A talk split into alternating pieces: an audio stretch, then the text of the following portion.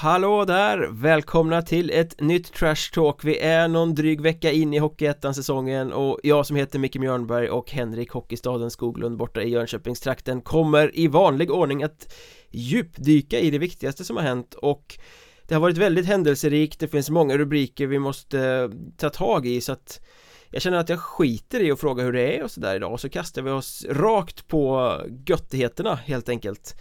Och det har ju smält rätt ordentligt om ett av lagen som vi målade upp som en eh, spännande joker inför säsongen Nämligen Piteå Den mm. Eh, starten de har fått med Vad är det? Fyra raka segrar Nu tappar de visserligen en poäng mot Teg igår Men eh, Och målkavalkad är det också Är du förvånad över Piteås sanslösa framfart? Eh, nej Det kan jag väl faktiskt inte säga att jag är Jag trodde faktiskt på på detta. Kanske inte just den här sanslösa framfarten. 25 mål på fyra matcher liksom. Och, och så. Men att de skulle vara i topp, det, är, det har jag faktiskt ingenting att säga om. Och att de kanske då till och med skulle ha 10-11 poäng efter fyra omgångar. Det, det säger jag inte heller så mycket om. Men det, det är väl i så fall målfabrikationen där. Ja. Som överraskar mig lite kanske. Men det ska väl också sättas lite i perspektivet av att man har mött sumpgängen Det vill säga man har spelat mm. mot ett Kiruna AF som är helt under isen Man har mött ett Örnsköldsvik som inte har så mycket att komma med. Man har spelat mot Vännäs som också är tänkt i botten och Teg då senast som ju ligger i botten. Så att det är ju ja, bara bottenlag som har stått för motståndet. Så är det, så är det. Och eh, Det blir väl en liten, nu har de Hudiksvall nästa match där. Det blir ju en rejäl eh, värdemätare för Piteå faktiskt måste jag säga. Men eh, eh, de här, det man slås lite utav det är att de här eh, så kallade rutinerade spelarna, eller så kallade, de är ju rutinerade. Joakim Högberg och eh, eh, Magnus Isaksson har ju verkligen levererat. Farbröderna som brukar bära laget. Ja, ja eh, Högberg har eh, sju mål, tio poäng. Och Isaksson då 11 poäng. Det är ju jättebra på så här få antal matcher. Nu har de, som du sa, mött lite svagare gäng. Eh, och det ska ju bli intressant att se. Den riktiga värdemätaren har ju som sagt inte kommit än för Piteå. Men det känns ändå som att de lirar väldigt bra. Det är som ett finstämt piano. Och det var ju rätt ja. intressant där eh, för några dagar sedan när de mötte Vännäs hemma när de kanske var lite bekväma. De hamnade i underläge med 1-5 det ska ju inte få hända ett topplag 1-5 hemma mot Vännäs. Då klev Joakim Högberg in i handlingarna. Han gjorde fem kassar när Piteå vände 1-5 till 9-5 Rätt sanslöst. Ja. Fem mål i en och samma match Det är ju ganska stort. Det är det. Det är inte ofta det händer heller. Uh, Jag vet att vi har ju några femmålsskyttar i Hockeyettan genom historien men uh, det kanske du kan bättre än mig. Eh, hur, hur, ofta det händer eller? Det händer, jag, vet att... det händer ju inte så ofta men jag blev faktiskt uppringd av en person eh, dagen efter som fiskade lite så här, vet du någonting om femårsskyttar? Så här, eh, mm. Har någon gjort det innan? Eller sådär och jag, på rak arm kunde jag inte eh, svara faktiskt. Det är inte så, så, att det ligger top of mind. Men jag googlade lite och funderade lite och jag har två exempel i alla fall Som jag kan dra upp mm. i liksom skaplig närtid. Och eh, Lubomir Fetkovic, du vet den här Slovaken som lirade med Väsby innan de gick upp mm. i Hockeyallsvenskan Han hade faktiskt en femmålsmatch för några säsonger sedan eh, mm. Kommer inte riktigt ihåg eh, vilka de mötte. Eh, Men ännu färskare är ju Joakim Axman när han lämnade Väsby och inte riktigt färgade i eh, Hockeyallsvenskan och kom tillbaka till Strömsbro. Då hade han ju en period där han gjorde mål på allt. Jag tror han sköt fem mål i sin eh, återkomstmatch för Strömsbro och sen bara öste han ju in hur många mål som helst varje match där. Han var ju helt sanslös under en period där. Ja. Så ja, lite... Fetkovic och Axman det är de som liksom dyker upp. Ja. Jo, men så är det eh, jag, För jag vet nämligen att nu när du säger Axman, det minns jag Som att det vore igår Nu när du påminner mig eh, Men eh, så jag vet också att det har hänt i hyfsad närtid. Men det är jättestarkt. Fem mål, det, det händer inte så ofta ändå. Jag, just det där, jag, jag är ju vansinnigt intresserad av statistik. Och jag, jo, det vet vi. jag reagerar lite på det här uh, Joakim Högberg. Nu är det efter fyra matcher. Sju mål, tre assist. Petter Mäkitalo i samma klubb. Sex mål och en assist. Jag tycker att det är lite skön statistik där. Det, man har ju alltid till när det är mer mål än assist faktiskt. Ja, det gillar Så, man ju Speciellt när det är markant skillnad också. Det är inte massa löjliga Okej. andra assist där här, alls utan det är bara att nita dit puckjäveln Ja, men så är det. Och eh, nu kommer väl kanske inte det här hålla i sig då, men det är ändå kul att se på. Till att börja med. Definitivt, definitivt. Mm. Om man vänder på det där perspektivet Piteå har ju öst in mål framåt. I, i Kiruna AIF så har det läckt in mål bakåt istället. De har varit ganska bedrövliga i öppningen av serien. Eh, Men de väljer ju då alltså att redan efter tre omgångar Värva tillbaka Aleksanteri Heiskanen. Eh, The greatest Mm. showman you will, ever, you will ever see Som han eh, beskrev sig inför förra säsongen. Han stod gårdagsmatchen förlust borta mot Kalix Tror jag att det var Ehm, Men vad, vad känner du där? Var det verkligen en målvakt som eh, behövdes för att rädda Kiruna AIFs säsong? Eh, nej, det tycker jag väl kanske inte. Alltså de målvakterna de har på pappret eller innan Heiskanen kom in då eh, tycker jag är bra. Jag tror snarare att det är försvarsspelet man måste styra upp där. Hugo Engsund och Sebastian Andersson pratar vi om då De Mm. har ju förvisso stått och kastat in puckar i, puckar i början Men det beror ju också på att försvaret som du säger har varit genomuselt Ja, för... Ja, men exakt. Och kollar man på Heiskanens statistik från i fjol så var ju inte den eh, alltså öronbedövande eller ögonbedövande. Nej. Han hade under 90 i räddningsprocent och närmare, eller närmare 4 var lite orättvist i, i snitt. Men eh, 3,71 insläppta mål i snitt per match.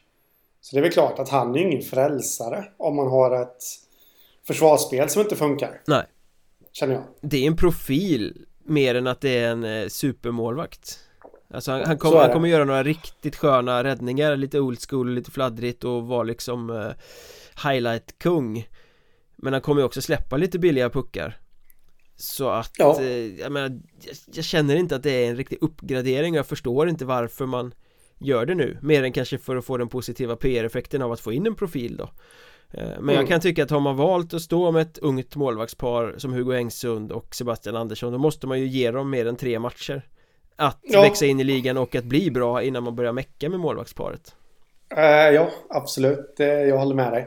Eh, det jag tycker att de skulle behövt istället hade ju varit en back. En back, de Så. hade behövt fem backar ja, men till att börja med en back. Vi vet ju att backmarknaden är tunn. Ja, vi kommer nog till det ska vi se. Mm. Eh, Nej men jag håller med. Det är, ju, det är ju laget i största allmänhet som inte håller måttet Snarare än målvaktssidan. Och så som det har sett ut inledningsvis så kommer ju Kiruna få det väldigt tufft. Eh, För de är inte Hockeyettan-mässiga så som det ser ut nu. Med eller utan Alexander Heiskanen. Även om det såklart är kul eh, med- Med en profil tillbaka i ligan Ja, men så är det. Och de... Eh, ledde inte de borta mot Kalix igår förresten? Det gjorde de, det gjorde de Så det känns som att jag för mig utan att jag vet... Eh, för mig att de ledde mot Sundsvall också. Eh, alltså det känns som att de, de kan inte riktigt hålla ihop det. Nej, det finns inte ett Under 60 försvarsspel. Eh, Det såg man ju också i den här premiärmatchen mot Piteå där det blev 8-1 eller 9-1 eller vad det blev att Mm. De är ju väldigt statiska och små i egen zon Det är som Mm. att de ger utrymme och möjligheter till motståndarna Så att det finns Mm. mycket att gnugga på där Ja. eh, Kalix är också en liten eh, frågetecken Vi har ju sagt att de har en påtagligt försvagad trupp till den här säsongen men Ja, nu slog de Kiruna AIF men det känns ju inte som de har imponerat i inledningen direkt Nej, det känns som att det är ett lag som är lite för långt borta från toppen faktiskt. De eh, torskade ju dessutom på straffar mot eh, Vännäs. Mm. Ett Vännäs som ändå imponerat är väl fel ord att säga, men de har ändå hängt med Ja, här nu under inledningen. ja i alla fall några matcher Sen eh, Ja, tappade de ju mot eh, Piteå och sen fick de väl spö igår Nu kommer jag inte ihåg vilka de mötte men eh, Örnsköldsvik. Ja, i och för sig. Jag, ja, jag tar tillbaka det. Eh, apropå inte imponera så måste vi också rikta en liten strålkastare mot den östra serien där vi har två lag som eh, nämndes som allettan-lag på förhand men som har fått en riktigt risig start måste man säga. Mm. eh, och då snackar vi alltså Hanviken och Huddinge. De är ju floppar, de har tagit varsin poäng på de fyra första matcherna Och ligger i skrivande stund, lyssna på det här. Fyra omgångar spelade. Sju poäng från allettan-plats båda två. Ja. Det är, eh, det är en överraskning. Det är det verkligen. På bägge två.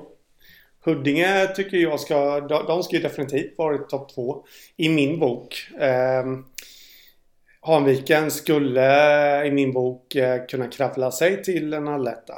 Men eh, ingen godkänd start för no något utav lagen faktiskt. Nej, men att bara ha tagit en poäng på de första matcherna trots inte jätteblodigt motstånd Får man ju ändå säga.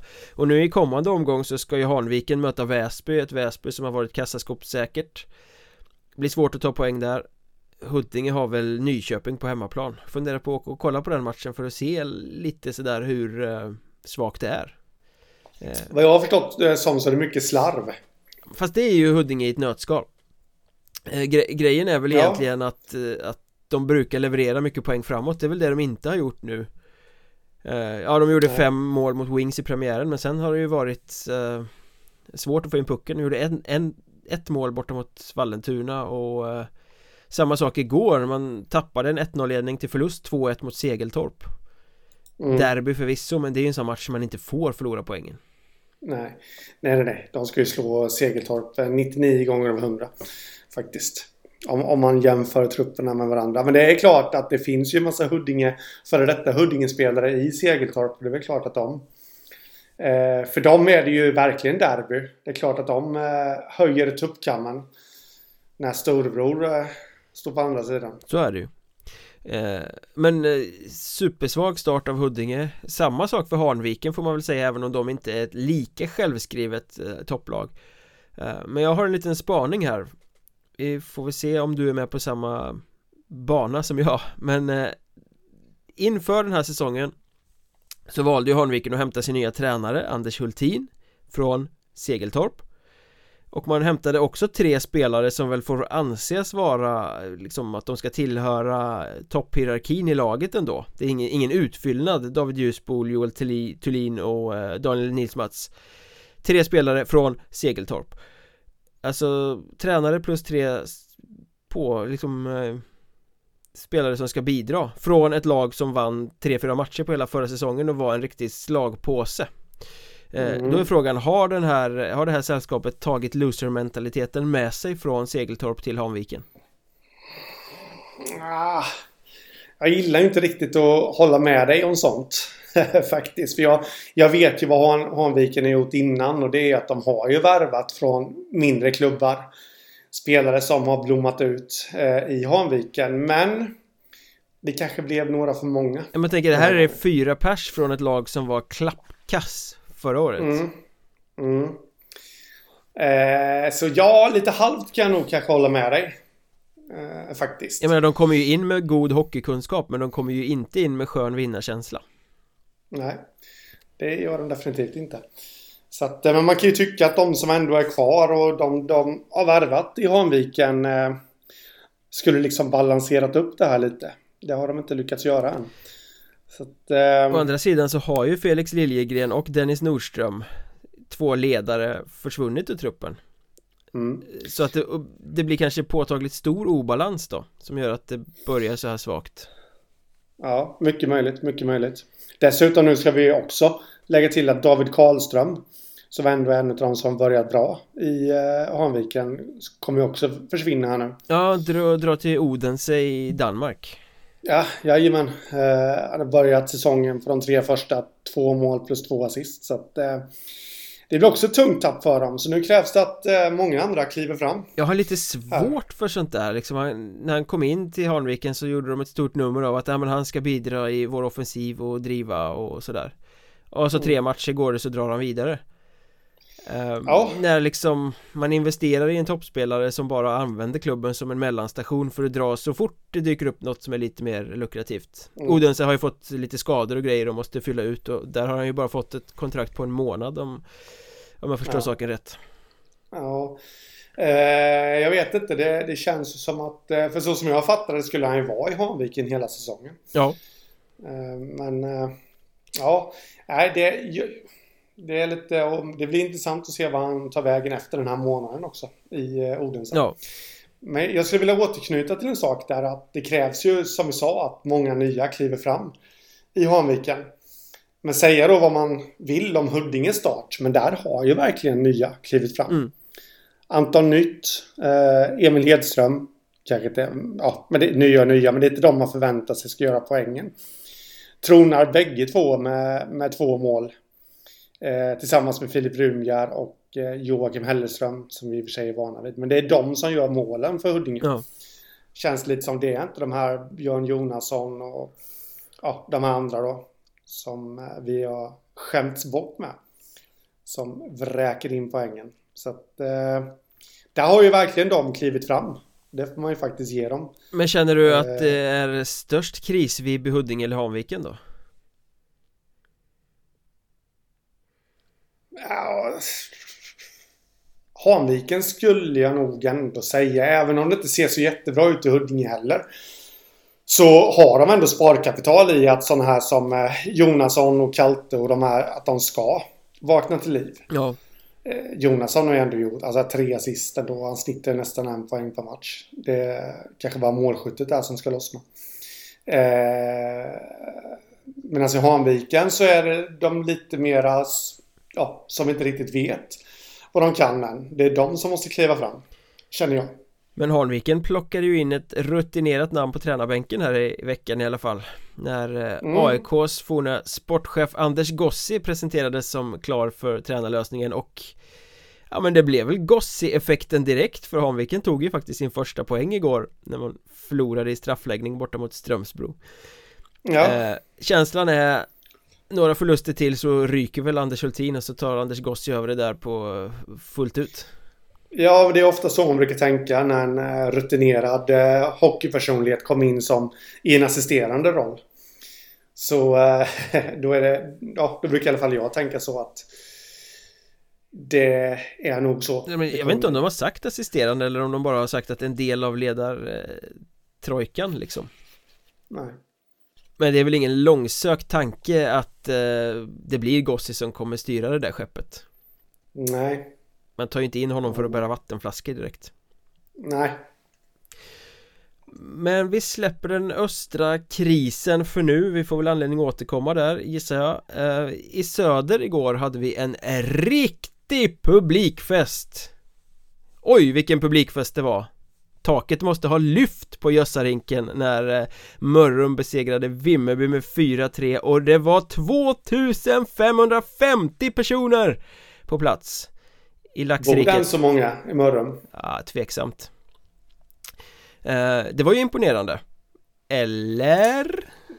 Nej. För Ja, publiksiffran är ju imponerande. Men kollar man på bilderna från matchen eh, Som både du och jag har gjort Så ser man ju att eh, så många var det nog inte på plats. Det... det var betydligt, betydligt färre. Ja, eh, om, om, vi ska gräva lite i de här siffrorna kring Mörrums hemmamatch mot Vimmerby Så Läser man på Elite Prospects så tar Gössarinken 2250 personer. Läser man på Svehockeysajten så står det att den tar 2400 personer.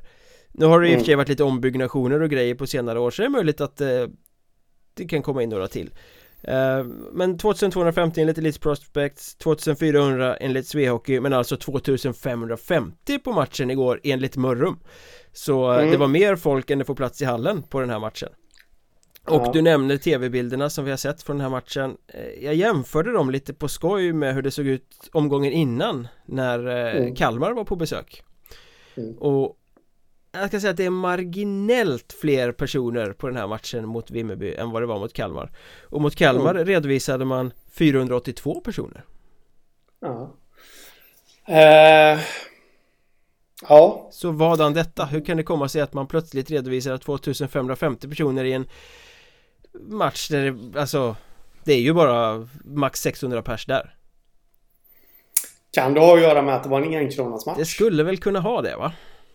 Mm, Mörrum hade så. alltså det här enkronas konceptet igår och eh, alla vet väl hur det funkar. Det vill säga det är sponsorer som signar upp sig och betalar sig och så många kronor per åskådare som kommer till hallen. Eller per såld biljett är det väl. Och vi kan väl bara konstatera här att Mörrum måste ha sålt jävligt många biljetter till folk som sen inte gick på matchen. Det känns som det och det, det kan ju på så sätt också vara på det sättet. Det, är ju lite olika det där har jag förstått hur klubbarna redovisar. En del redovisar ju de som faktiskt är på plats och en del redovisar antal biljetter man har sålt. Eh, så man, man, ska väl inte döma ut Mörrum allt för mycket här nu. Det kan ju hända att man har sålt biljetter men som inte används bara som en kampanjgrej? Ja men det finns säkert någon sån kalkyl bakom. De kanske gjorde som Kallinge gjorde förra året Eller förlåt, KRIF ska man säga. Men de delade mm. ju ut fribiljetter och de räknade dem och de räknade säsongskort och de räknade tv-tittare och de räknade fan och hans moster och fick ihop en superpubliksiffra av den anledningen. Mm. Det verkar vara lite så man gör i Blekinge. Ja, jag har dock inte sett att Mörrum har kört någon kampanj Men det kanske de har gjort, jag ser inte allt så att det Nej, jag tycker att det känns väldigt konstigt faktiskt Måste jag säga att eh, 600 som vi väl bägge två tror att det kan ha varit på plats i Össarinken helt plötsligt blir 2550. Det tycker jag. Det är ju ja, 1900 mer personer. Men ja, jag kan, jag kan gå med på att man kanske har blandat in sådär soffbiljetter och, och swishbiljetter och allt vad det nu heter. TV-tittare och lottköpare och allt möjligt. Ja, absolut. Det skulle jag kunna gå med på. Men det känns fortfarande Skumt. Ja men oavsett om det, det har gjorts eh, korrekt eller om det bara är mygel rakt upp och ner Det vet vi inte, de har säkert någon kalkyl till det där som säger Men det, det ser ju bara jättedåligt ut. Alltså ja. det Mörrum är inte kända för att vara en förening som framstår som välskött och proffsig men Det här ser ju bara Alltså Sjukt ut. Och det här mm. kan ju privatpersoner signa upp sig på också. Jag hade blivit skogstokig ifall jag hade signat mig på på en sån grej och sen så helt plötsligt så är siffran något helt annat än vad publiken i hallen är. Ja, ja men absolut. Det är lite som att råna sina fans såg jag att någon skrev i något forum någonstans. Eh, mm. Men, uh, ja men det ser, det ser amatörmässigt ut. Ja men lite så. Det Det är ju rent generellt, det handlar inte om pengar överlag utan det det ser väldigt amatörmässigt ut när man presenterar en eh, publiksiffra som alla kan se att den stämmer inte. Ja. Men det känns också så typiskt Blekinge. ja. Är det inte väldigt mycket så konstigt kring klubbarna i Blekinge ofta? Eh, ja, eh, eller hur menar du? Ja men att man håller på och trixar och skarvar och grejer liksom Det är inte ja. så att man, ja, Karlskrona exkluderade då kanske men det är inte så att man känner att här har vi proffsiga organisationer som alltid gör rätt för sig och bygger långsiktigt för att det ska vara något snyggt proffsigt eh, en, en klubb man alltid kan lita på att här görs saker rätt utan det är jag vet inte, bilhandlar-aura kring klubbarna i Blekinge. Ja. Möjligt. Ja, nej men det var, det var en passus här men det, det det är svårt att inte studsa på 2550 i en hall som inte tar så många när det bara är några hundra där. Mm.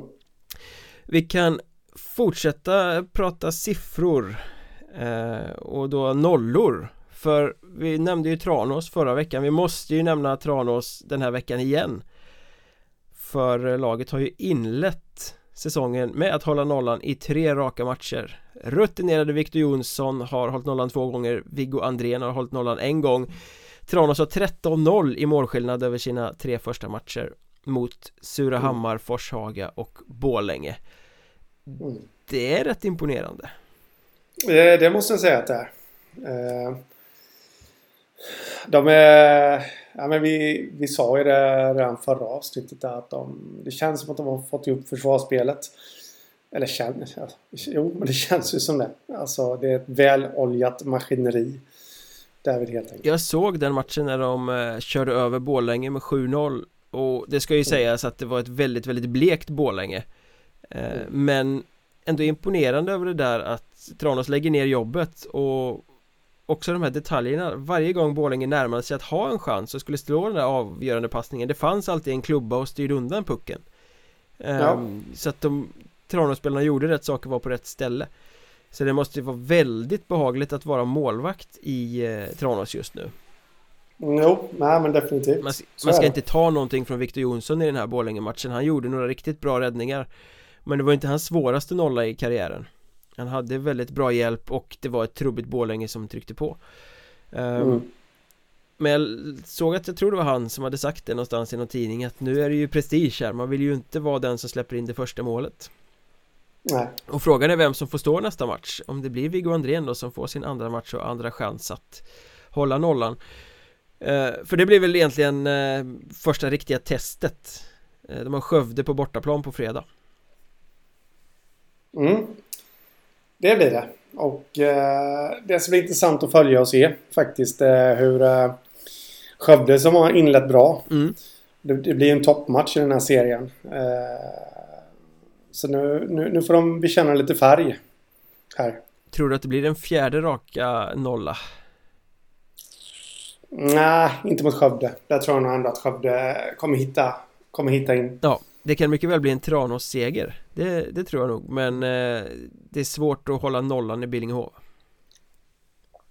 Mm, ja, det är det. Definitivt. Jag, eh, jag skulle vilja återkoppla lite till Borlänge där. Ja, faktiskt, varsågod, också, varsågod När vi nämnde dem. Eh, jag, jag såg eh, stundtals såg jag lite av deras match mot Mariestad här nu. Eh, och det var väl egentligen inte Borlänge. Det gjorde en bra match. Gjorde de. Eh, och jumbo-stämpeln som man har satt på dem kanske man får ta och tvätta bort. Här nu. eh, st- star- säger- Starkt också av eh, Emil Ranhamn i kassen där och studsa upp så bra mot Mariestad efter den lite Ja. jobbiga matchen i Ja. Tranås Definitivt. Eh, men däremot så skulle jag vilja lite till Mariestad där. Jag tycker inte att de... Eh, det kom aldrig någon slutforcering Nej, från deras sida. Eh, det var liksom... Sen vill jag nog säga att Borlänge styrde undan den där väldigt effektivt också. Men de var inte så tunga framåt när de verkligen behövde. För jag satt och tänkte att det här kommer ju Mariestad vända. Liksom, de hade ju sanslös press vissa gånger. Men just det där när de verkligen skulle kliva förbi i slutet då, då infann den sig inte. nej jag håller med, jag såg delar av eh, sista perioden där och man tänkte att nej, men det här, då stod det 2-1 i Borlänge Då tänkte man det här kommer ju eh, Mariestad att vända på De Ja. kommer stora tunga Mariestad men eh, de var ju inte desperata De såg Nej. mest trötta ut tycker jag Mm. Ja, men lite så. Det var lite anmärkningsvärt faktiskt. Men det kanske har med den eh, forwardsammansättningen som man har i år Att eh, i Ja. vissa dagar kommer det vara briljant, andra dagar kommer det vara lite trött Mm. Så är det. När vi ändå är inne där på Tranås så har jag en liten detalj som jag tycker är lite kul som måste nämnas också För eh, det har ju ramlat in lite domar i veckan eh, efter anmälningar till disciplinnämnden och en av dem som blev eh, liksom anmälda under veckan var Tranås assisterande tränare Andreas Högosta. Eh, efter bortamatchen mot Forshaga där han hade synpunkter på någon offside-avblåsning i slutet av någon period och ville diskutera den med domarna och ska då ha liksom här går det lite isär, domaren skriver i sin rapport att eh, tränaren säger det till honom och tränaren säger i sitt svar att han menar att situationen, inte domaren, är de här genmälena eh, Men han ska då i alla fall ha sagt att det är skandal, att det är ett lågvattenmärke och att det är barnsligt alternativt att domaren är en citat barnrumpa. Eh, Det blev han anmäld för. Eh, Det resulterade inte i någon avstängning, inte i någon böter utan kort och gott i en skarp tillrättavisning Så då vet alla tränare det, ni får inte kalla domarna för barnrumpa eh, Vad tycker du om det? Alltså hela situationen Ja. Jag vet inte vad jag ska... Det, är ju rätt allmänt känt att man inte ska tilltala domare med nedsättande ord. Eh, så, men å andra sidan kanske inte var riktat emot domaren då heller. Så att... Eh, nej, jag vet faktiskt inte riktigt vad jag ska tycka. Nej, det står väl i den här anmälan också att eh, ja, domare ska inte behöva prata med tränare så direkt efter match utan man får komma tillbaka senare när man är lite sansad och, och allting sådär Mm. Jag kan känna så här att Nej, det är klart att det kanske inte är rätt men samtidigt är det inte direkt några hårda ord Kalla någon Nej. för barnrumpa och säga att det är ett lågvattenmärke Det är liksom inte så Det är inte kränkande eh. Och Ska man hålla på och rapportera såna här saker Då blir det ju bara Massor av jobb. Alltså, no, domaren ska skriva en rapport Tränaren i sig ska behöva svara Disciplinnämnden ska behöva ta ställning till det här. Det är massa arbete för en jävla skitsak. Mm. Jag menar det hade varit en sak om man hade klivit in i domarrummet och sagt Du jag ska nita dig din jävel, du är så jävla kast din Ja men liksom sådär. Mm. Men det är det ju inte tal om här så Jag tycker faktiskt att det är rätt larvigt att man överhuvudtaget rapporterar en sån här sak Det liksom skapar bara massa mer jobb och blir lite så här löjets skimmer över det Ja Nej jag är benägen att hålla med faktiskt eh, Men sen är det ju så också man ska ju inte kalla domare för nedsättande saker. Eh, men det vet vi inte om det var riktat emot domarna. Ja, men då även när så jävla känslig får man inte vara, då ska man inte vara domare kan jag tycka. Nej, Sak, det... Saker sägs i stridens hetta och är det inte värre än så här så låt det vara bara. Mm. Det är någon sorts hävdelsebehov att skriva rapport på en sån grej. Ja, det finns ju en rolig historia från förr i tiden, back in the days, eh, i betydligt lägre serie än Hockeyettan, där en spelare fick matchstraff Ja men vadå? Jag sa ju ingenting. Nej, men jag såg vad du tänkte. Den är underbar. Eh, lite på samma tema så har ju HC Dalens eh, profil Kalle Hult också blivit avstängd i tre matcher för att ha crosscheckat alternativt knuffat en linjedomare i eh, bortamatchen mot Eskilstuna Linden. Eh, jag kollade lite på den situationen och eh, Ja, det är ju inte snack om något annat än att han är på domaren som ramlar ner på isen. Men samtidigt så känns det som att han får en knuff i ryggen han vänder sig om för att ge tillbaka och då har domaren kastat sig in i situationen och blir den som hamnar i vägen så att det var ju liksom inte en crosschecking eller knuff som var riktad mot en domare så som vi har sett eh, spelare balla ur andra gånger utan det var ju bara det var riktat mot en motspelare och domaren råkade dyka upp där Eh, lite skillnad på det. Hur upplever du den situationen? Eh, nej, men jag är väl benägen att hålla med. Det är så tillvida att eh, det var ju inte meningen såklart av Kalle Hult att ge sig på en domare. Utan här trodde ju han att det var en motspelare som stod bakom och, och ville väl freda sig. Men eh, sen förstår jag ju straffet. Det blev tre matchers avstängning. Eh, jag förstår det så tillvida att eh, domarna måste ju markera. Det, det är ju inte okej okay att ge sig på en domare. Nej, absolut om, om inte. meningen eller inte. Där. Sen... Äh, ja, men det, det, är väl ungefär det jag tycker om det. det han... Äh, han får tänka sig för lite i fortsättningen helt enkelt. Den gode Kalle Hult att... Äh, vad, ja, vem är det jag knuffar nu liksom? Men det... Ja men det, det är en sån här grej som varken rätt eller fel. Jag tycker också att straffet är... Det, det är för mycket.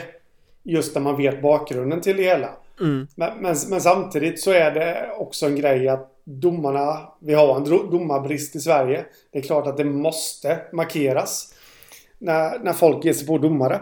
Så att jag, jag har faktiskt ingen vettig åsikt i om man tycker att straffet är för kort eller för långt eller om det var rätt. Och jag landar nog ändå i någonstans att det är rätt. Eh, om man ska vara helt ärlig. Sen var det en olycklig situation men... Jag tycker, jag tycker att det är problematiskt att det blir tre matcher För det är så extremt uppenbart att det inte är riktat mot domaren. Att domaren bara råkar dyka upp där och att det är en ren och skär olyckshändelse att det här utdelas mot honom. Sen förstår jag ju att man måste Oavsett om det var avsiktligt eller inte Så måste man dela ut ett straff. För gör man inte det så öppnar man ju dörren till att det är okej okay Att ge sig på domare om man bara får det att se ut som att det var lite Ja Slumpartat sådär liksom. Så mm. att det, det är klart att han måste straffas även om det var oavsiktligt. Men jag tycker att det hade räckt med en match där Eftersom det är så tydligt att liksom tittar man på situationen han är ju inte, han har ju inget otalt med domaren, han är ju inte ute efter domaren. Markera med en match bara för att visa att domare rör man inte Tre matcher Det tycker jag man har tagit i lite i överkant. Och det sägs ju också att de hade en Ganska god diskussion efter matchen Också om det Och tänkte att det var utagerat. Så, och då tycker jag det blir också så här Man tar i lite för mycket med det här straffet. Ja. Eh, sen är det rätt roligt, Kalle Hult har ju fått svara med, med sitt yttrande och där skriver han lite att jag är själv domare och jag förstår liksom bla bla bla. Och sen kommer en syrlig pik om att det här var lika olyckligt som när domaren hamnade i vägen i slutet av matchen och avgjorde. Så att det kanske, han kanske fick någon extra match för att han var lite rolig där, jag vet inte. ja, man måste bara älska sånt. Ja, det är underbart. Men det har ju varit lite andra mer eh, uppseendeväckande situationer i veckan. Vi har haft några tacklingar och vi har haft några hjärnskakningar och en jättelång avstängning.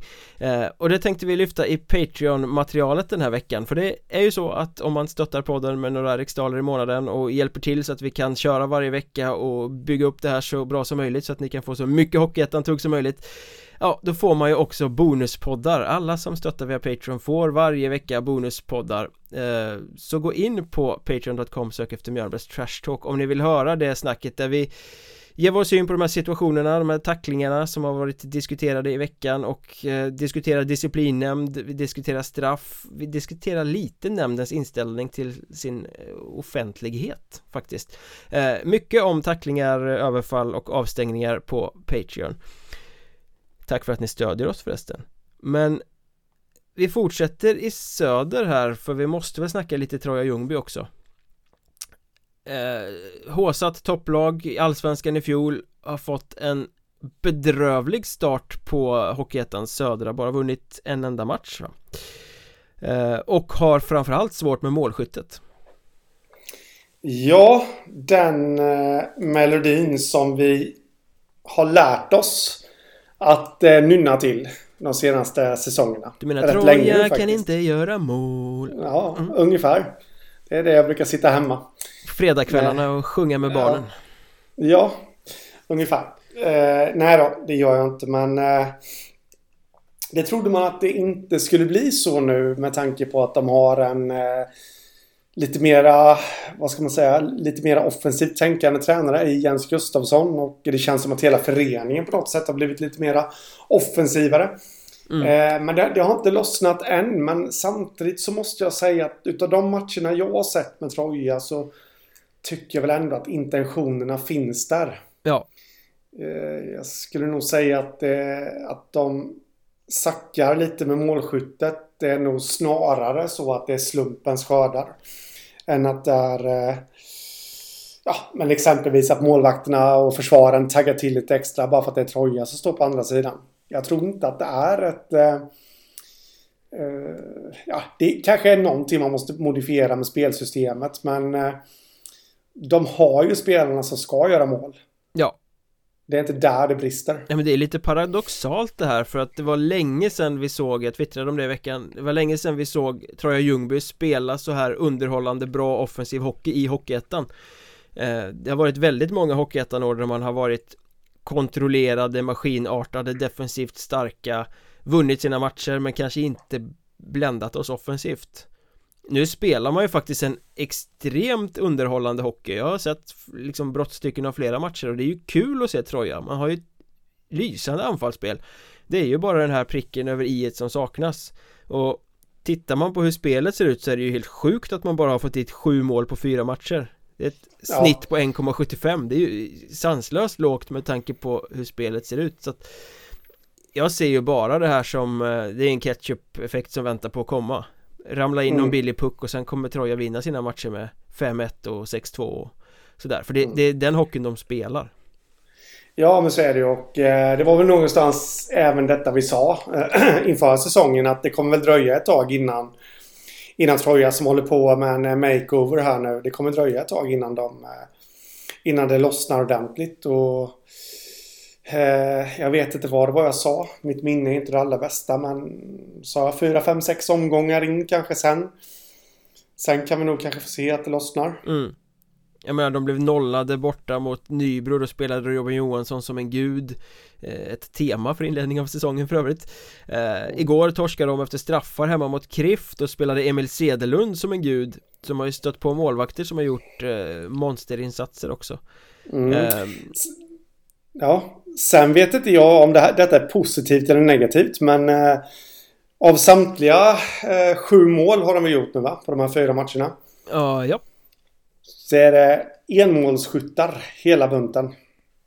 Ja, det, det, är svårt att säga om det är positivt eller negativt. Det är flera ja. som bidrar men samtidigt har ingen klivit fram och sagt att mig kan ni lita på.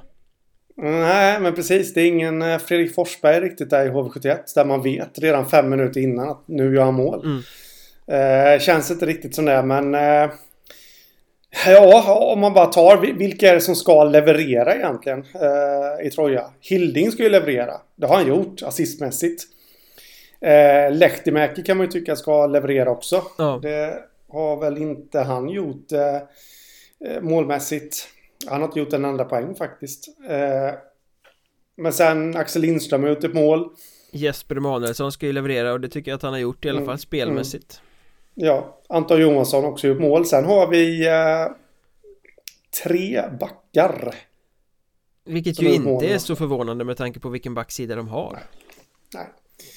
Så att, eh, nej, jag väntar nog med att dra fram eh, krisstämpeln där. Den får stå lite i bläck, bläcket. Nej, jag, jag känner liksom ingen oro alls å Trojas vägnar här. Eh. Jag såg att eh, tränaren Jens Gustafsson fick försvara sig lite i eh, lokalmedia där nere i veckan med tanke på de svaga resultaten inledningsvis och han drog upp siffror och sa att allting ser ju bra ut här och, och sådär och så är det ju. Det är bara att vänta på att det ska lossna. Um, det är lite farligt.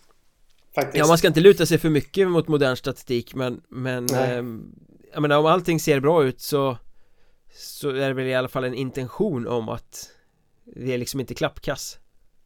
En annan sak som eh, talar skarpt för Troja tycker jag när vi då har avhandlat den underliggande statistiken som eh, Jens Gustafsson tycker om och som är bra också. Det är någonting att luta sig mot, det håller jag med om. Men det är farligt att stirra sig alldeles för blind på den. Men Eh, en annan grej här det är att eh, Troja skjuter överlägset flest skott mot mål. Mm. 160. Näst bästa lag i den södra Hockeyettan är eh, Halmstad. 119. Oj! Då är Halmstad betydligt mycket effektivare. Troja har en måleffektivitet på 4,19 och det... Jag menar, där ligger du inte under, under en hel säsong. Nej. Eh, samtidigt då som de... Eh, Kanske har lite mer att önska målvaktsmässigt också. Eller försvarsmässigt ska jag säga. Jag ska inte hänga ut Ragnevall här. Jag tycker Ragnevall har varit bra faktiskt ja. i många matcher inledningsvis här. Men försvarsmässigt om man kollar på den statistiken så bör den väl komma upp från sina 87% i räddningsprocent till minst 90 i alla fall. Och där tror jag också att de kommer landa till slut. Ja. Så det finns eh, st stor förbättringspotential. Sen ska man väl säga också att Troja har inte fått resultaten med sig här eh, inledningsvis i serien Men man ligger ändå bara tre poäng från allettan-plats i Hockeyettan Södra Så det finns ju ingen som helst anledning till panik här Man kan bara tryggt jobba vidare med det man håller på med Så kommer det lösa sig Ja, de har väl, nu är jag lite osäker, men har inte de eh, Nu ska jag inte säga utmåla Borås som de är räddningsplanka här, men de har dem i nästa omgång borta i och för sig. Men där bör det bli tre poäng. Med tanke på det monumentala läckaget i Borås försvarszon så ja. Mm, Ja. Och sen har de Halmstad också, nu ska vi inte heller måla ut Halmstad.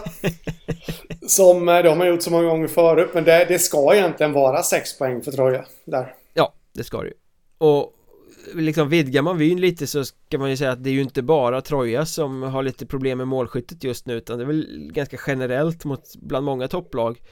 Jag menar Nybro med sin trupp, de har bara gjort 10 mål på fyra matcher. Eh, Det är bara tre fler än vad Troja har gjort. Eh, Ger ett snitt på 2,5 mål på match. De borde ju kunna mm. prestera väldigt mycket mer. De gjorde bara ett mål mot Tyringe, de gjorde bara ett mål mot Troja så att Där sprutar det ju inte heller mål Nej, då ska vi lägga till att de gjorde fyra av de här tio målen eh, i derbyt mot Kalmar. Där de var ruggigt effektiva, ska sägas. Ja. Vi kommer till det ja, strax. Ja, men absolut. Eh, och Mariestad är ju inte heller särskilt målglada. De öste in hur mycket som helst mot eh, Eskilstuna-Linden i premiären Men nu på slutet, de gjorde bara två mål hemma mot Forshaga De gjorde bara ett mål borta mot Borlänge. Mm. det, är ju Jesper Lindén som gör alla mål typ. Han har varit grymt ja. bra men Där finns ju också väldigt mycket mer att önska mm. Och jag nämnde Forshaga, de är ju sämst av alla De har gjort två mål på fyra matcher Ja, eh, ändå två mål mer än Noll. Jobbigt läge. Eh, ja, det, så är det. Jag blev lite imponerad faktiskt. Utav, jag måste kasta ut en fråga till de som lyssnar här. Eh, en som jag tycker var framstående i Forshaga. Jag såg lite brottstycken som man säger. Av matchen Dalen-Forshaga. Det var ju Joel Nyman. Är det någon släkting till Jonas Nyman? Bra fråga. Det finns säkert ja, någon som kan svara på det. Jag tycker han var, han var riktigt framfusig faktiskt. Ja. Jag vet att du såg på Twitter att du imponerades av ett mål som gjordes också Ja Andreas Röjkås Martinsen i Dalen inne på sin fjärde säsong i klubben och har tidigare bara gjort ett enda mål. Defensiven först helt enkelt för honom. Eh, det, jag, det var lite roligt att se att när Forshaga plockade ut målvakten i slutet för att försöka komma ikapp Dalen. Så eh, rätt långt innanför egen blå linje så sprätte han iväg pucken i en lobb som går ribba in. Oj, oj, oj, oj, oj. Jättesnyggt alltså. Och, och det var ungefär som att när han... Målgesterna var ju som att han var en jättevan målskytt. eh, vilket han inte är. Men det är kul att... Eh, att han då får kliva fram och, och göra det. Jag har för mig att det blev ett GVG, det vill säga Game Winning Goal där. Nej, det kan det inte ha blivit förresten. Inte om det var i tom Eh, kasse. nej, så är det. Det var ju... Jag stryker den. Vi, vi stryker den, vi Eh. låtsas att du aldrig har sagt det där. Ja, vi låtsas det helt enkelt. Men det krävs ju kanske då att fler kliver fram när eh, Kalle Hult är borta. Ja. Nu är kanske inte Kalle Hult den här målspottaren heller, men eh, jag tror att alla förstår vad jag menar. Jag måste bara nämna en sak till från den här matchen. Anton Johannesson. Han har fått väldigt mycket lovord här i början. Mm. Pelle Gustafsson slog ju fast när de värvade honom från HV71 juniorer att det här kan mycket väl bli en back som är ligans bästa back när vi summerar och eh, det var ju en jättetalang. Är en jättetalang. Som det snackades väldigt mycket om eh, i samband med att det skulle draftas där. Eh, 2020 var det? Har jag för mig. Eh, men så drabbades han av någon skada och eh, gick väl aldrig i draften. Eller jo, det gjorde han. Han blev draftad av Winnipeg. Men... eh, Signade aldrig kanske. Nej, signade aldrig. Han blev draftad rätt lågt också. På grund av den här skadan. Men oj! Alltså, vil, vilken back. Det känns som att han har... Medan vi andra vanliga dödliga liksom har en sekund på oss att fatta ett beslut så känns det som att han har tre sekunder på sig. Ja, Eh, och allt det där. Han gjorde några riktigt bra aktioner i, av det lilla jag såg faktiskt mot Forshaga. Och jag har också hört att många har pratat sig varm om, om honom. Och dessutom det jag hörde i fjol det var ju det att när han spelade i HV71 J20 då att om HV är kvar i Allsvenskan så bör ju han bli en av A-lagsbackarna. mm. Eh, så honom kan nog Dalen ha mycket roligt med säsongen som kommer. Ett fynd alltså. Ja, faktiskt.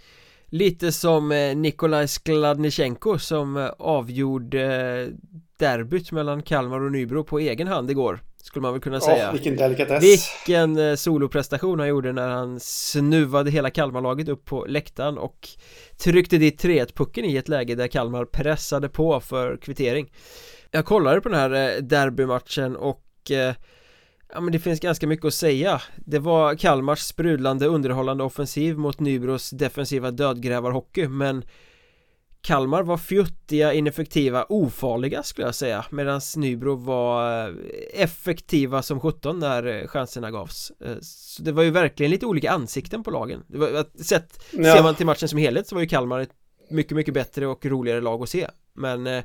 jag kan inte säga att det var orättvist att Nybro vann Nej, men jag tycker att det har följt med Nybro hela säsongen här och, och det är väl lite det man kan eh, ta från föregående år också att eh, de är väldigt effektiva.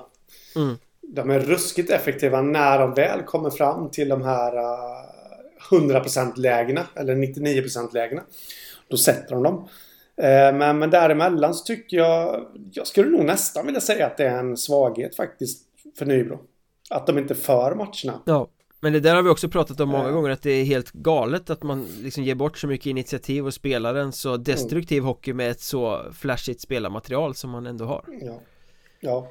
Men det är ju bara, alltså, det är bara att titta på Skladnichenko. Det har vi suttit och sagt att där har ju de fått in en kille som kan bryta det här mönstret Ja. och avgöra matcher. Det var ju exakt det han visade. Ja, det är det han är där för Ja. Och sen har vi ju Robin Johansson, alltså Kalmar var fjuttiga, det var väldigt mycket dåliga avslut Lama avslut, man kan kräva mer. Men Alltså de var ju livrädda för Robin Johansson. Han, eh, han behövde ju inte stå på huvudet och göra de här helt galna tv-räddningarna men Han är på rätt ställe hela tiden, han släpper inga returer, han bara suger in pucken. Det ser ut som att nej men det går inte att göra mål på honom. Och det var lite samma mot Troja när Nybro vann med 1-0 Alltså han Han är ju i storform och utstrålar ett sånt lugn, en sån självklarhet. Eh, Frågan om jag har sett honom så här bra någon gång. Och då har han ju ändå varit betraktad som Hockeyettans bästa målvakt i flera säsonger. Ja. Nej men så det är eh, kul att se. Mindre kul att se var väl kanske att eh, Oskar Matorskin utgick. Han fick en smäll mot knät. Det såg inte alls bra ut I ett Nybro som redan är ganska brandskattat på backsidan. Eh, Nu får vi väl se hur länge han blir borta. Om han blir borta Vi får väl hoppas att det inte var så allvarligt som det såg ut. Men de har ju redan Victor Bolin på skadelistan och gick ju in i säsongen med bara sex backar. Eh, så de är ju mm. väldigt kort om folk där Nybro och har fått skicka ner Robin Wengdahl på backen. Ja, Robin Wengdahl som gör det riktigt bra eh, Ska vi säga. Han gjorde väl mål igår igen Här Då inledde han eh, faktiskt matchen som forward men så fick han kliva ner som back när det blev lite skralt eh, Nej men alltså det, det börjar bli ett väldigt stort problem nu för Nybro Faktiskt här. Eh, bara för att återknyta till att börja med för Wengdahl där. Han snittar ju alltså en poäng just nu. Ja. Som back. Det är ju riktigt bra. Och han har ju inte... Han har ju gjort sina poäng tidigare men han är ju mest känd som den där gnuggaren ändå. Som ska liksom plocka ner eh, motståndarna. Men eh, jag tycker han har gjort det riktigt bra och någonstans så känner man ju att han måste ju bara fortsätta som back här nu. Ja, han har varit riktigt bra som back. Ja, ja det tycker jag. Och just i spelet också, alltihopa det där. Men eh, nej, det börjar faktiskt bli ett problem för Nybro.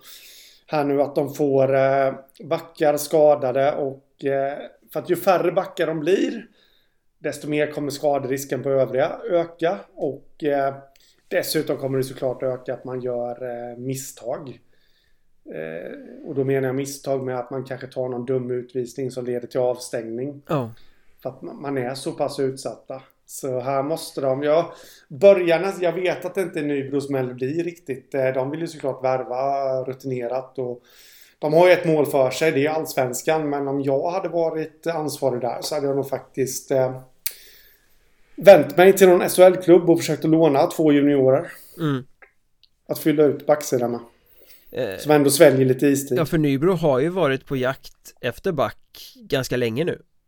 Och mm. de gick ju hårt efter eh, Alexander Edström och de gick hårt efter Eric Israel och sånt inför säsongen De har fortsatt titta på eh, utländska namn nu sen säsongen började Men marknaden är ju tvärtunn och de är ju inte ensamma ute på marknaden Nej. Karlskrona åkte på några skador på backsidan De har ju också varit ute De värvade Kristoffer Lynch nu Som vänder hem från mm.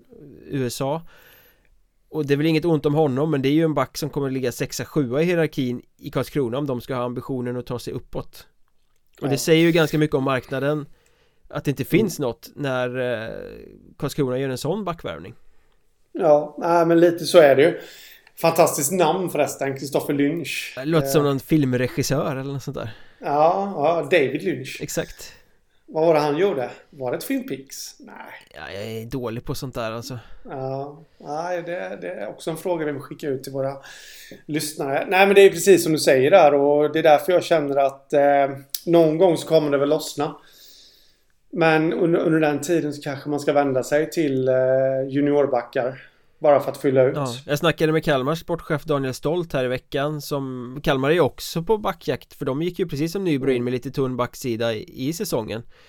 Och sen hoppade Kelly Bifting av och de måste ha en ersättare Men han sa ju det att det, det, finns inga svenska spelare och det är väldigt få utländska spelare Och när man får se prislappen Ja då är man inte så sugen längre Eh, och då har vi ytterligare ett problem här att Nybro behöver back, Karlskrona behöver back, Kalmar behöver back, Halmstad behöver back, många behöver backar Det trissar ju priserna ännu mer för de jagar ju på mm. samma spelare på en väldigt tunn marknad eh, ja. Så det är inte så konstigt att Nybro skolar om Robin Wengdahl, det är inte så konstigt att Kalmar skolar om Robin Dahlstedt där va, som har gått ner och, och spelar back mm. Eh, för att det finns inga backar att få tag på Jag snackade med Niklas Söderström i, i Halmstad också där som Ja, de hoppades på Alexander Edström, nu måste han opereras men de sitter fortfarande och hoppas på att han ska kunna komma tillbaka till jul då. Mm. um, Så det är så det ser ut. Det, det är ju bara massa ja. svindyra importer och hopp som kanske kommer att slås i kras.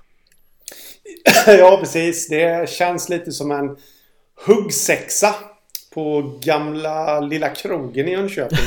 Fem i två. För att dra en metafor heter det inte 5 i 3-ragget så att säga? Ja men det är Jönköping, där stänger krogarna två. Oj oj oj oj. oj, oj, oj. Underutvecklad stad fortfarande alltså? Ja. Nej, de stänger nog tre nu förresten. Förlåt Jönköping. Men eh, vad vi kan konstatera är att oavsett vad Nybro plockar in För det kan man ju slå fast att Nybro kommer plocka in något mm. Men oavsett vad de plockar in så kommer de att betala dyrt Och ja. förmodligen mer än vad det är värt För att ja. det är sån marknaden ser ut Sen Ger det en månad så kanske det skakar loss lite spelare från Allsvenskan Lite spelare ute i Europa som floppar och måste byta miljö och då kanske reaprislapparna kan komma fram eh, Men just nu så är ju Det är snustort Ja, så är det. Men det är väl ändå så att Nybro står först i ledet för det är de som har störst plånbok av de här backjagande lagen. Ja, Karlskrona kanske också eh, kan stå där och vifta lite. Lite grann. Ja. Sen eh, måste vi väl avslutningsvis eh, nämna också att eh, Boden, denna förening som har varit i rubrikerna de senaste åren på helt andra grunder än sportsliga, de har vapenskramlat lite igen, eller vad ska man säga? Mm.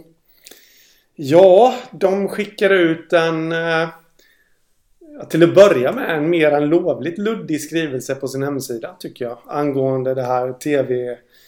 TV-rättigheterna, TV-avtal.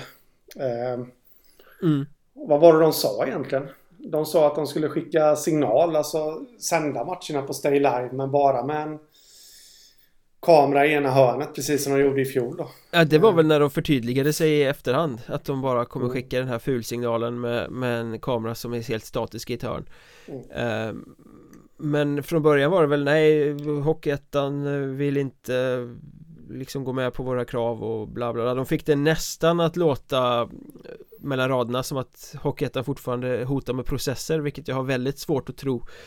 Eh, det var väldigt luddigt vad de eh, vill komma fram till men kort och gott så är det väl så att Boden har ju ett avtal, ett gammalt gammalt avtal med Hockeyettan där det står att de ska sända på Stay Live.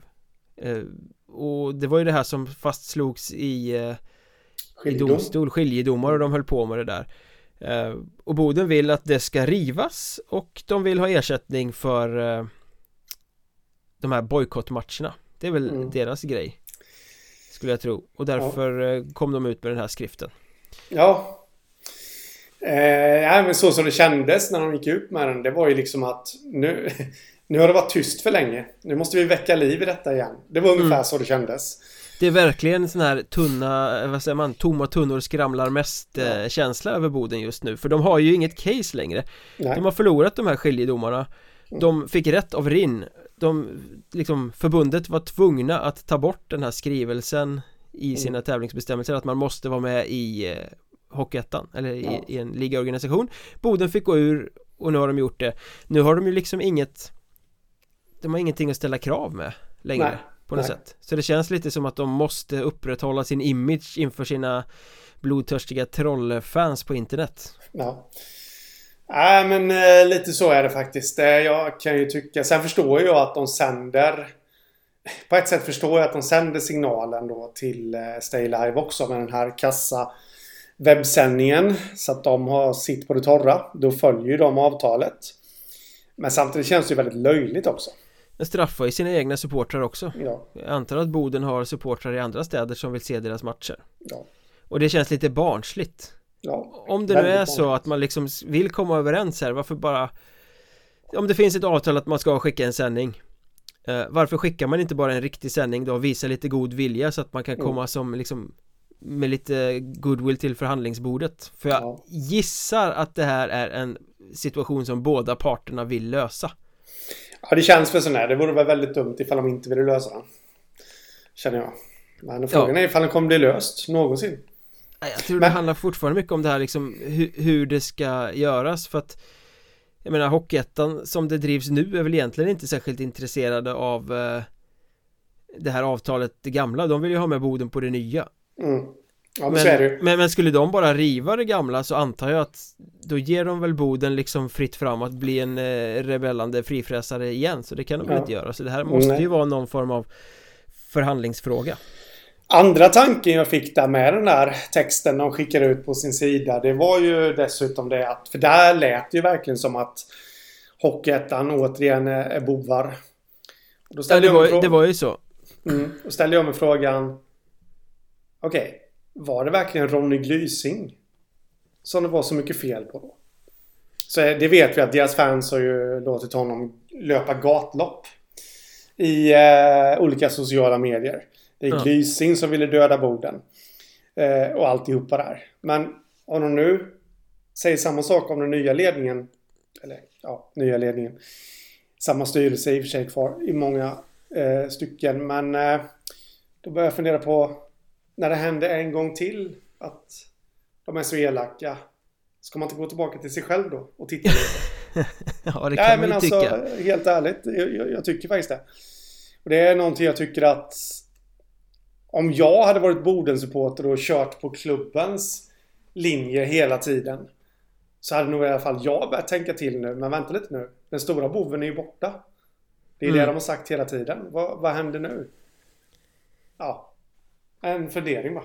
Eh, jag får känslan att det är väldigt mycket spel för galleriet. Att eh, de vill säkert lösa det här men de måste på något sätt hålla den här aggressiva garden uppe mm. På något sätt. Det är bra att ha så högt blodtryck? Det vet ju du. Du ja. pangar ju proppskåpet ibland. Eh, men jag hoppas att det där löser sig för det bästa för alla parter är ju att, eh, att Boden kommer in i det på något sätt ja, ja. Sen om de går med i ligaorganisationen eller inte det vet jag inte men eh, Vad jag har förstått så har ju förbundsstyrelsen någon form av möte imorgon fredag och på bordet då ligger Dels har ju Boden ansökt om att få eh, sändningsrättigheterna själva, så här dispens som de hade förra året att de fick sända själva utanför mm. Hockeyettans tveksamt om förbundet säger ja till det i och med att då bryter de ju sitt avtal som de har med Hockeyettan gissar jag eftersom de har gett eh, ja. rättigheterna dit det blir ju en intressant fråga att följa eh, det har de redan sagt ja till en gång vet jag det var ju förra säsongen och det har de sagt ja till tidigare också tror jag Ja förbundet jag... är ju lite ängsliga i den här frågan mm. så att eh, ja vi får väl se och men på bordet ligger väl också de här eh, yrkandena om ersättning som både Boden och Karlskrona har för mm. bojkottmatcherna Eh, så det blir intressant att se om de kommer att eh, beredas nu eller om de skjuts upp ännu en gång. Ja, nu tror jag att eh, bägge frågorna kommer skjutas upp på ett sätt för jag tror de kommer göra en likadan lösning. Med tanke på hur ängsligt förbundet är så kommer de ge Boden sändningsrättigheter eller dispens till årsskiftet. Ungefär ja. som de gjorde i fjol Och säg lös era tvister Ja, eh, jag tror inte att de kommer gå med på Boden och Karlskronas krav om de här bojkottmatcherna, även om jag hoppas det. Eh, att de går med på det. För det jag tycker att de klubbarna som bojkottade ska betala för det. Ja, men det kan jag också tycka, absolut. Eh, men det är också en lite konstig grej att ställa den i en förhandling mot Hockeyettan. Som man gör i den här skriften. Vi kommer bara skicka en, en eh, skitdålig signal för vi vill ha ersättning för bojkottmatcherna. Mm. Det måste väl vara en fråga de, som ska lösas med Piteå och Sundsvall och vilka det nu mer var som bojkottade liksom vid sidan ja. av. För det måste ju vara klubbarna som i slutändan är ansvariga för att inte ha dykt upp. Det var väl Örnsköldsvik va som drog igång det tror jag. Det var, de så. som startade allt, mm. instigator. Ja precis. Eh... Nej, så är det ju, det är lite märkligt det med det är ju inte... Det är ju förbundet som väl ska ålägga de här klubbarna i så fall att betala. Det är ju inte Hockeyettan. Men å andra sidan... Eh, som vi vet så gör ju Hockeyettan rätt mycket för klubbarna. Alltså vi kan bara ta de här coronastöden som skulle betalas ut. Det var ju Hockeyettan. Organisationen där som skötte det administrativa. Mm. Eh, och plus lite andra saker också. Det är ju den funktionen Hockeyettan var tänkt att ha från början då. Så det är väl klart att man vänder sig till Hockeyettan, till sin ligaorganisation för att få hjälp med det. Just det, de är inte ens med i organisationen. Så är det ja. Nej, glöm det. Glöm vad jag sa.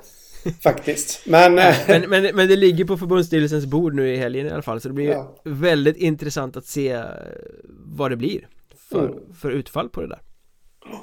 Absolut. Och med det sagt är vi klara för den här veckan också. Nu ska vi fortsätta till Patreon och eh, hugga tag i de största snackisarna kanske. De här huvudtacklingarna, de vansinnigt långa avstängningarna. Eh, Lite snack om hur eh, disciplinnämnden egentligen funkar och vad är ett överfall och inte. Vi kommer ta upp de här situationerna som var mellan Kriff och Karlskrona och mellan eh, Kiruna och Sundsvall och prata runt om och kanske lite i största allmänhet också om hur Hockeyettan ska tackla det här med den tackla tacklingar Det var ju, blev ofrivilligt ordvitsigt det där. Men eh, gå in på patreon.com sök efter Mjölnbergs Trash Talk om ni vill läsa om hur man stöttar podden och hur man lyssnar på bonusmaterialet. Eh, Nu är vi klara för idag. Eh, Vi hörs. Det gör vi. Ha det gött. Detsamma. Tja